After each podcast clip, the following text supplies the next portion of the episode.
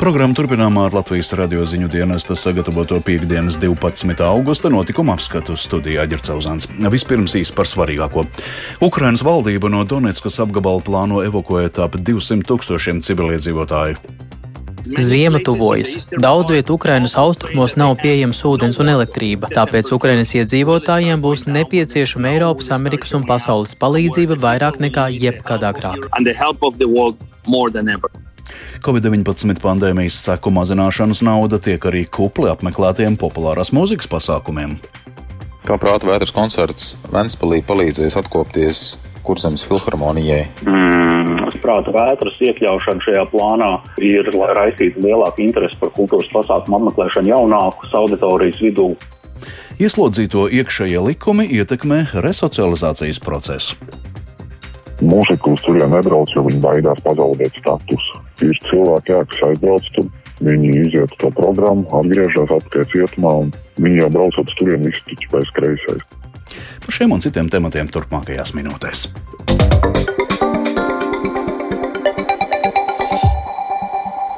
Ukrainas valdība plāno tuvākajos mēnešos no Donetskas apgabala izvest vairākus simtus tūkstošu civiliedzīvotāju, kuriem kara dēļ tur ziemā nevarēs nodrošināt pienācīgus dzīves apstākļus. Palīdzības organizācijas brīdina, ka tām nāksies ierobežot savu darbību Ukrainā finansējuma trūkuma dēļ. Bažas joprojām rada situācija Zaporīžas atomelektrostacijā. Ukrainas varas iestādes turpina apgalvot, ka Krievija plāno uzspridzināt Eiropā lielāko atomspēkstaciju. Turpina Huldis Česbers. Krievijas uzsāktais karš Ukrainā ilgst jau sesto mēnesi, un pagaidām nekas neliecina, ka tas varētu noslēgties tuvākajā laikā.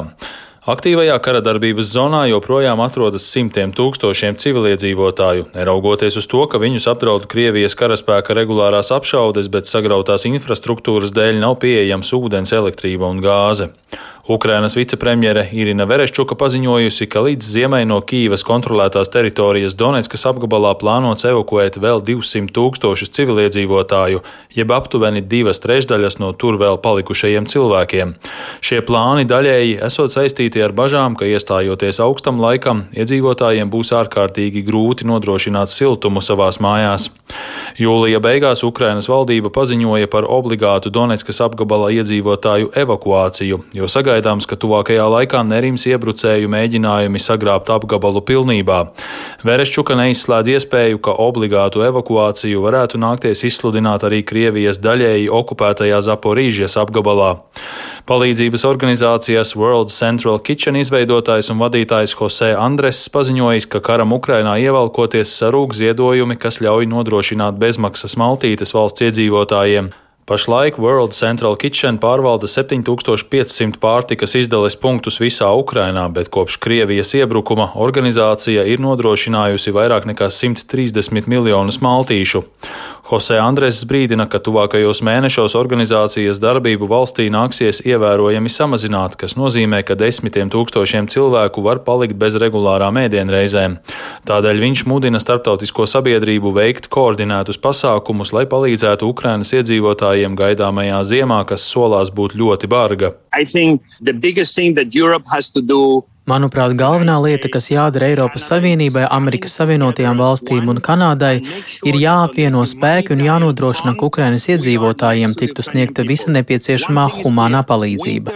Viens ir skaidrs - ziema tuvojas. Daudz vietu Ukrainas austrumos nav pieejams ūdens un elektrība. Priekšā ir ļoti, ļoti smaga ziema, tāpēc mēs darām visu iespējamo, lai būtu gatavi septembrim un oktobrim, kad gaisa temperatūra sāks pazemināties. Tāpēc Ukrainas iedzīvotājiem būs nepieciešama Eiropas, Amerikas un pasaules palīdzība vairāk nekā jebkad agrāk. Nereizi vien ir izskanējis apgalvojums, ka karā visvairāk cieši bērni. Kopš Krievijas iebrukuma Ukrainā bez vecākiem ir palikuši gandrīz 3200 bērni, paziņojis Nacionālā sociālā dienesta bērnu tiesību aizsardzības departaments. Nedroša situācija saglabājas Zaporīžas atomelektrostacijā, ko kontrolē Krievijas karaspēks. Ukrainas Nacionālās drošības un aizsardzības padomes sekretārs Oleksijas Danilovs šodien paziņoja, ka Krievijas karaspēks varētu uzspridzināt atomspēkstaciju, kur atrodas seši energobloki. Viņš sacīja, ka vienīgā iespēja, lai izvairītos no potenciālās kodola katastrofas, ir Krievijas karaspēka izvešana no Zaporīžas atomelektrostacijas teritorijas. Vakar vakarā notikušajā ANO drošības padomes ārkārtas sēdē, kurā apsprieda situāciju Eiropas lielākajā atomelektrostacijā, Krievijas pārstāvis noraidīja Ukrainas ierosinājumu izveidot demilitarizētu zonu, kas ietvertu Zaporīžas atomelektrostaciju un tās apkārtni. Viņš teica, ka Krievijas karaspēks atrodoties atomspēkstacijas teritorijā, tāpēc, lai aizsargātu to pret iespējamiem terora aktiem. Uldis Česberis, Latvijas radio. Bijušais Vācijas kanclers Gerhards Šrēders iesūdzējis tiesā Vācijas parlamentu Bundestāgu par viņa privilēģiju atņemšanu. Šrēderam Bundestāgs privilēģijas atņēma maijā par atteikšanos nosodīt Krievijas iebrukumu Ukrainā un draudzīgu attiecību uzturēšanu ar Krievijas prezidentu Vladimiru Putinu. Turpina Vendīmas Labojeva. Vācijā ir ierasts, ka bijušie kancleri pēc atkāpšanās vai aiziešanas pensijā saņem valsts finansētu biroju un darbiniekus, taču Bundestāgs vienojās slēgt Šrēdera biroju, kura izmaksas gadā sasniedz ap 400 tūkstošiem eiro. Šrēders atteicās distancēties no Maskavas un jūlija beigās tikās ar Vladimiru Putinu. Šrēdera iesniegtajā tiesas pieteikumā norādīts, ka Bundestāga lēmums slēgt viņa biroju neatbilst demokrātiskai konstitucionālai valsts sistēmai. Eiropas Savienības priekšlikums atjaunot 2015. gada Irānas kodola vienošanos Teherānai var būt pieņemams, ja tiks sniegtas garantijas par prasību pildīšanu, tā ziņo kāds augsta ranga Irānas diplomāts. Sarunas par vienošanās atjaunošanu notiek jau 15 mēnešus. Eiropas Savienība šobrīd iesniegusi galīgo vienošanās tekstu, stāsta Vendīma Slabojeva. Irānas diplomāts norāda, ka Eiropas Savienības priekšlikumi ASV un Irānas kodolvienošanās atjaunošanai būs pieņemami, ja tie sniegs pārliecību par aizsardzības pasākumiem, sankcijām un garantijām. Irānai ir svarīgi iegūt pārliecību par to, ka ASV nelauzīs vienošanos, kā tas notika Donalda Trumpa prezidentūras laikā 2018. gadā. Vašingtona apgalvo, ka ir gatava atjaunot kodolvienošanos ar Irānu, taču ASV prezidents Džo Baidens nevar sniegt dzelžainas garantijas, jo vienošanās nav juridiski saistoša. Irānas amatpersonas ziņo, ka tuvāko nedēļu laikā Teherānā notiks apspriede par jaunajiem priekšlikumiem.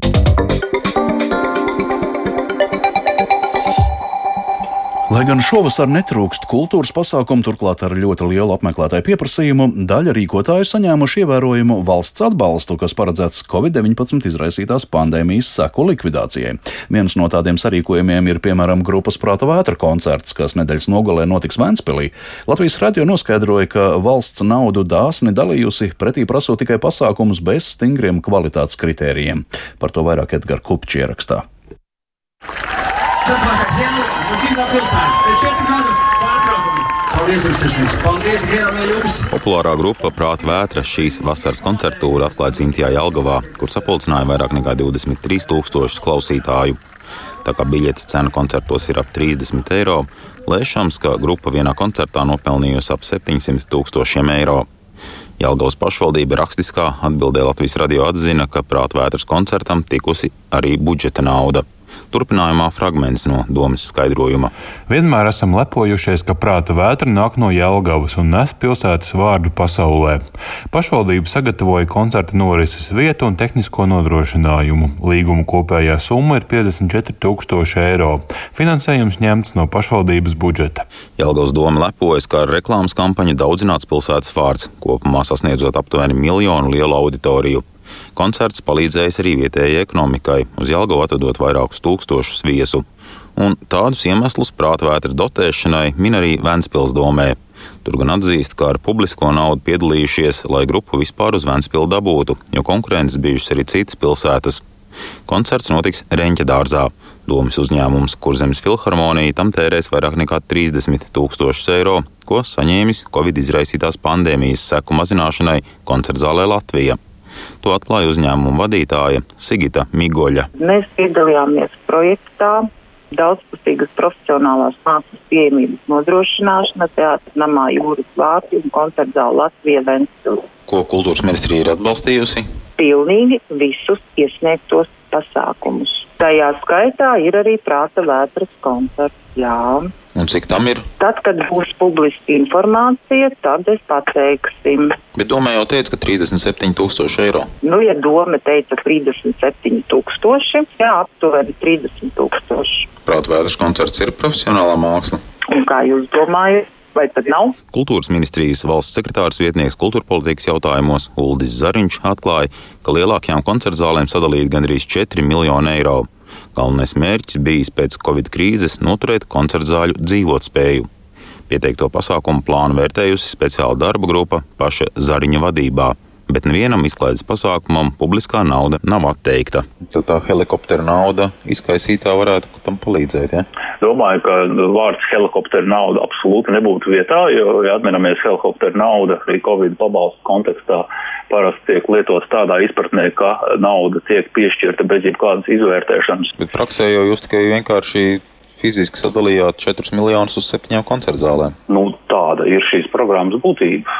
Kā prāta vētras koncerts Ventspēlī palīdzēs atkopties Kurzemes filharmonijai? Mm, prāta vētras iekļaušana šajā plānā ir, lai raisītu lielāku interesi par kultūras pasākumu apmeklēšanu jaunākus auditorijas vidū. Bez šīs atbalsta naudas jaunieši prāta vētras koncertu neapmeklētu pieņemu, ka tiešām iespējams bez šī Eiropas Savienības finansējuma šāds kontakts arī varētu iespējams nenotikt Ventspilī. Līdz šim līdzīgas naudas dalīšanas programmas ir administrējis valsts kultūra kapitāla fonds. Direktora vietniece Linda Karlina teica, ka tur atbilstību profesionālajai mākslai izvērtē eksperti. Pirmkārt, valsts pienākums, manuprāt, vispār ir izglītot to kultūras patērētāju un piedāvāt viņam kvalitatīvu produktu, nevis vienkārši labi pavadīt laiku. Kā jūs domājat, vai prāta vētras koncerts ir izglītošanās vai laba laika pavadīšana? Nu jā, nu es jau neesmu eksperts. Es domāju, ka prāta vētra, to, ko viņi dara, viņi to dara profesionālā līmenī. Bet uh, līdz šim, tad, kad mēs administrējām to mērķprogrammu, kas ļoti līdzīgi saucās, tur nebija iekšā prāta vētra. Tur vispār bija ļoti maz populārās mūzikas pasākumi. Nozares speciālisti atzīst, ka publiskā nauda koncertzālēm ir dalīta arī iepriekš, jo bez tās šīs iestādes nevarētu izdzīvot. Šoreiz vienkārši sadalāmajiem miljoniem dots cits nosaukums - Edgars Kupčs, Latvijas radio.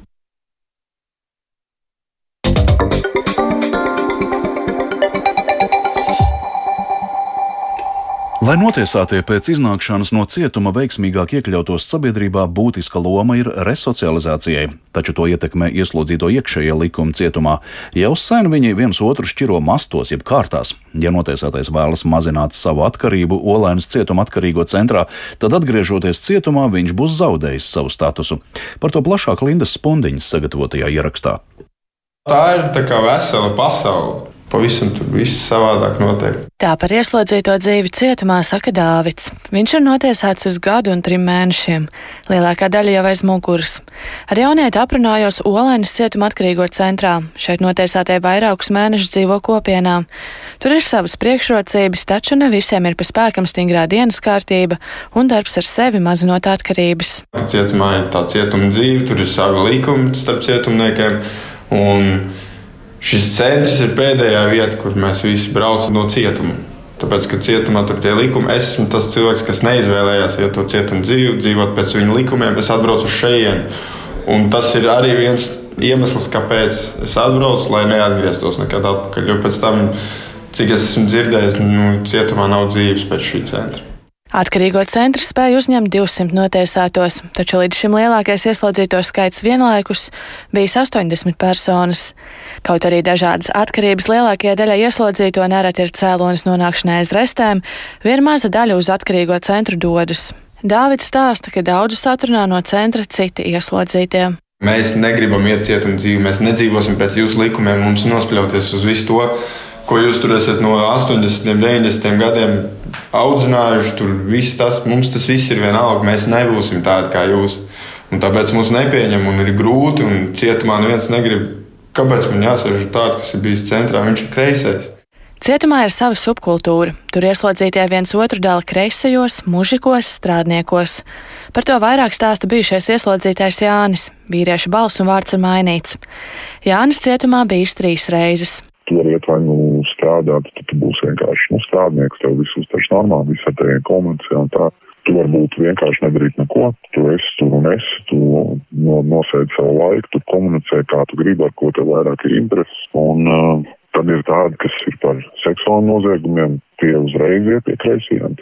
Nu, viņus nešķiro, ja tu esi izdarījis pāris sievietē vai bērnam, tu neesi vairs normāls un tu atbrauc pirmā diena tev iznāk papīrs cauri, kurš par ko sodīts, un tu paskaties lapiņā, tajā kamerā sēž tāds un tāds, viss ar viņu nekādu kontaktu vairs. Ar kreisajiem, piemēram, tur mūžīgi un tādi paceni, viņi, viņi nedrīkst sēdēt pie viena galda, viņi nevar būt vienā kamerā, piespied kāpā viņi tur atrodas, diemžēl vairāk. Tā kā etapos braucot un tā, ne no viņa cigareti, tu nedrīkst ņemt neko. Nu, ja tu paņem, tad viss, tad tev tur arī bez mazliet norakst. Un tāpēc Slovenijā viss ir kopā. Mūzika uz turieni nebrauc, jo viņi baidās pazaudēt statusu. Ir cilvēki, jā, kas aizbrauc tur, viņi iziet to programmu, atgriežas atpakaļ cietumā, un viņi jau braucot uz turieni, visi tikai pēc kreisais. Kā Jānis stāsta, ieslodzītajiem cietumā ir maldīgi priekšstati par to, kas notiek atkarīgo centrā. Zināju, kur es iešu, un es zināju, ka uz maniem skatīsies tā savādāk, bet man tas viss nerūpēja, jo tie cilvēki, kas uz maniem skatās savādāk, viņiem ir tādas, tā kā, nezinu, gribētu teikt, klapes uz acīm, ka viņi neredz to, kas notiek apkārt, viņi domā, labi, es tur nosēdēšu savu laiku, es tur biju mūžiks.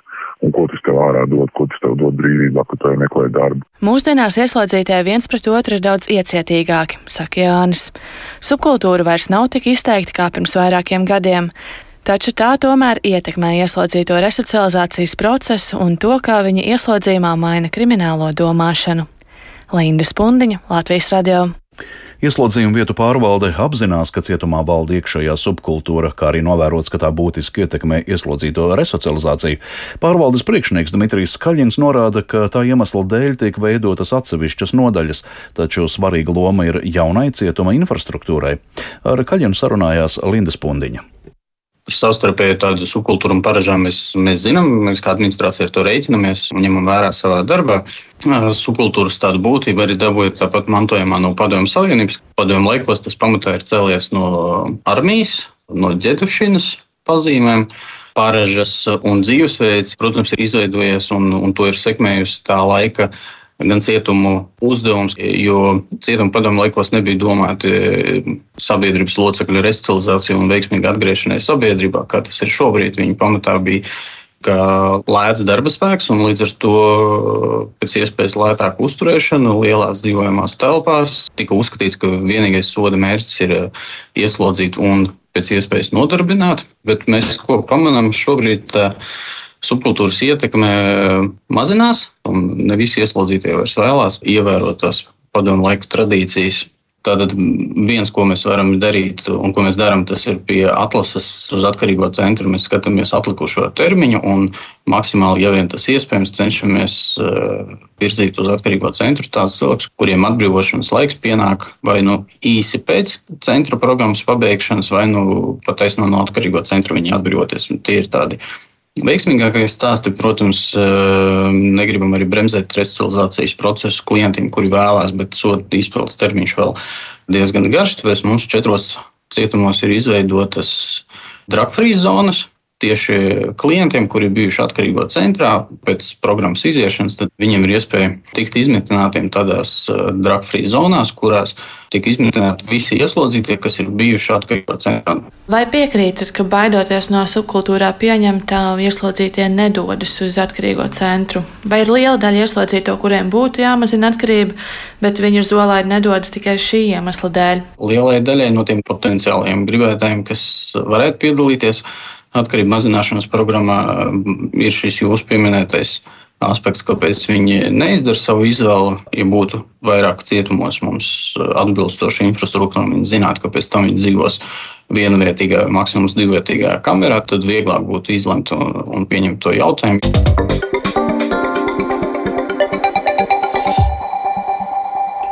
Vēnspēlī līdz 14. augustam norisināsies Ukrāņu kultūras dienas. Es atbalstu Ukrainu paredzēta krāšņa un daudzveidīga programma. Ventspēlī ieradušies arī vairāki kolektīvi no Ukrainas, kas uzstāsies šovakar koncertzāles Latvijas amfiteātrī. Kā īpašie viesi Ukraiņu kultūras programmu kuplinās pašmāja grupa The Sound Poets. Vairāk klausieties Ingas Ozols ierakstā.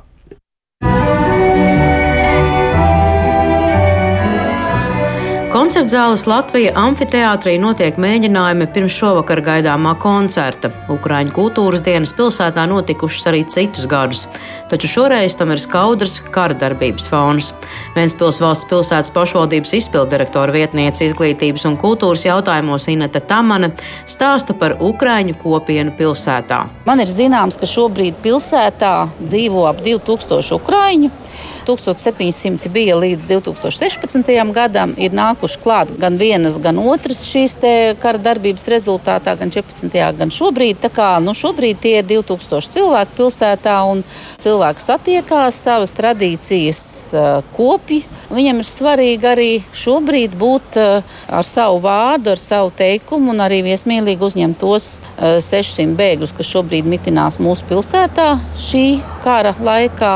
Tā kā nu, šīm Ukraiņu dienām ir arī savs vēstījums, un, un, un mēs kā pašvaldība arī to sajūtam un atbalstam. Inetai Tamanai acīs sariešas asaras, kad viņa sāk runāt par ansambļiem un māksliniekiem, kas ieradušies no Harkivas.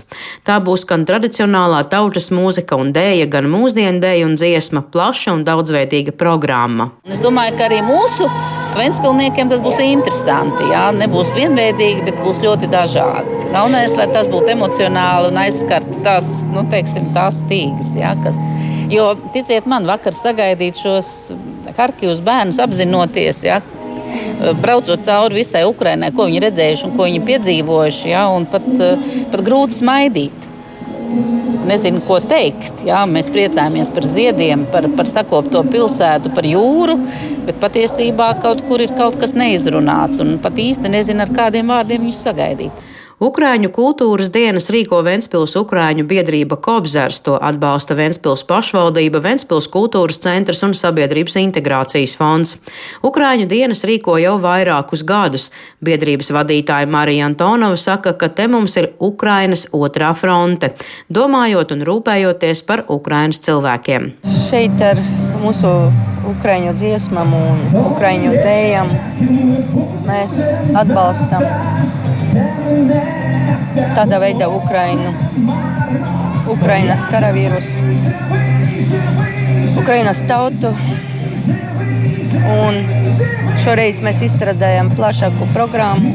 12. augustā būs atklāšanās šeit, amfiteātrī, koncerta zāle Latvijā. Tātad sestdien jau tradicionāli mums notiks pasākums Ventspils tirgus laukumā. Mums tur būs koncerta programma un nu, trīs eh, veidu borši mēs gatavosim. Uz Ventspili atbraucis Harkivas valsts kultūras akadēmijas mūsdienu deju ansamblis Estet. Ansambļa vadītāja Jevgēnija Janina Ledovskaja stāsta par jauniešu sajūtām dzīvojot kara darbības apstākļos. Безусловно, детям э, тяжело, потому что э, взрослый человек беспокоится. Protams, bērniem ir ļoti grūti, ko pieaugušie uztraucas par savas ģimenes ģimenes un tuvinieku drošību, bet jauniešiem un bērniem ir kaut kā jādzīvo. Mierīgas dzīves nav, ir ierobežotas satikšanās ar draugiem, tagad izbraukt ārā ir kā svaigs malks gaisa, jauniešiem mums vispār arī mūsu profesijai. Tie ir studenti, kuri izvēlējušies horeogrāfiju kā savu dzīves ceļu, diemžēl. Izbraucot uz ārvalstīm, mēs varam īstenot savas gaidas un cerības. Mēs ceram, ka uzvara būs mūsu, mēs esam stipri, mums viss būs labi. Ну, ми надіємося, що перемога буде за нами, все буде гаразд. Ми сильні, ми вільні, і в нас все буде добре. Ingo Zola, Latvijas radio kurzemē. Bet Rīgas porcelāna muzejā no šodienas skatām izstādi no muzeja krājuma Eriks Ellers, kurš savulaik bija Rīgas porcelāna rūpnīcas galvenais mākslinieks. Turpina muzeja direktore Hiljana Veinberga. Pirmkārt un galvenokārt, jo tā ir veltīta dizaina vēsturei. Tā ir iespēja uzzināt kaut ko nedaudz sīkāk par tiem priekšmetiem, kas ļoti daudziem no mums ir mājās vēl joprojām. Ļoti daudz iegūst, ņemot vērā padomju periodu, okupācijas periodu dizaina popularitāti. Tātad, ja jūs mājās ir šķīvi, krūzes, karafes, servīzes, pusdienu, tējas un kafijas, var gadīties, ka to autors vai nu formas autors vai dekora autors ir Eriks Ellers. Izstāde ir iespēja teikt, atgriezt apgrozībā šī dizaineru vārdu, jo Eriks Ellers bija Rīgas porcelāna rūpnīcas galvenais mākslinieks no 60. gadiem līdz 80. gadiem. Izskan piekdienas 12. augusta notikuma apskats producents Viktors Pupiks par labskaņu rūpējās Uldas Grīnbergs un Mārtiņš Paeglis studijā ģercauzēns. Vēl par svarīgāko. Ukrainas valdība no Donetskas apgabala plāno evakuēt ap 200 tūkstošiem civiliedzīvotāju. Covid-19 pandēmijas seku mazināšanas nauda tiek arī kupli apmeklētiem populāras mūzikas pasākumiem. Ieslodzīto iekšējie likumi ietekmē resocializācijas procesu.